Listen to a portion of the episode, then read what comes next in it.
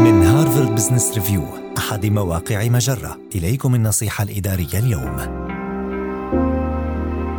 شجع العادات الصحية في حالات تعرض فريقك للضغوط والاحتراق الوظيفي. بصفتك مديراً فإن مهمتك هي دعم فريقك خلال فترات العمل المكثف. تتمثل الخطوة الأولى في أن تعتني بنفسك.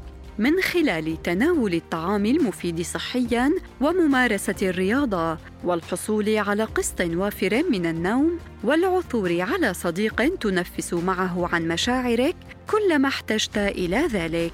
هذه الأشياء ليست من الكماليات فالعقل والجسم السليمان سيساعدانك على القيادة الرشيدة للعاملين تحت إشرافك. وعندما تتعامل مع فريقك فكر في كيفية إبداء تعاطفك وأن تكون مصدرا للتفاؤل وقدوة حسنة يحتذي بها. كافة أعضاء الفريق. أظهر لمرؤوسيك أنكم في قارب واحد بغض النظر عن الموقف المثير للتوتر أو القلق. تحدث معهم عن كيفية تجاوز الضغوط.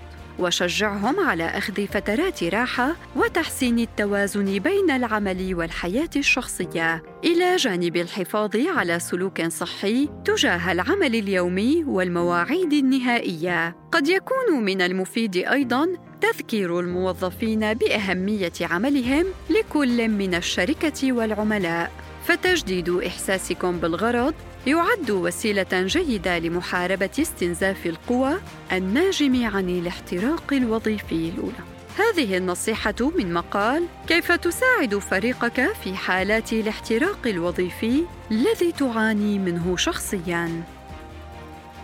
النصيحة الإدارية تأتيكم من Harvard Business Review أحد مواقع مجرة مصدرك الأول لأفضل محتوى عربي على الإنترنت.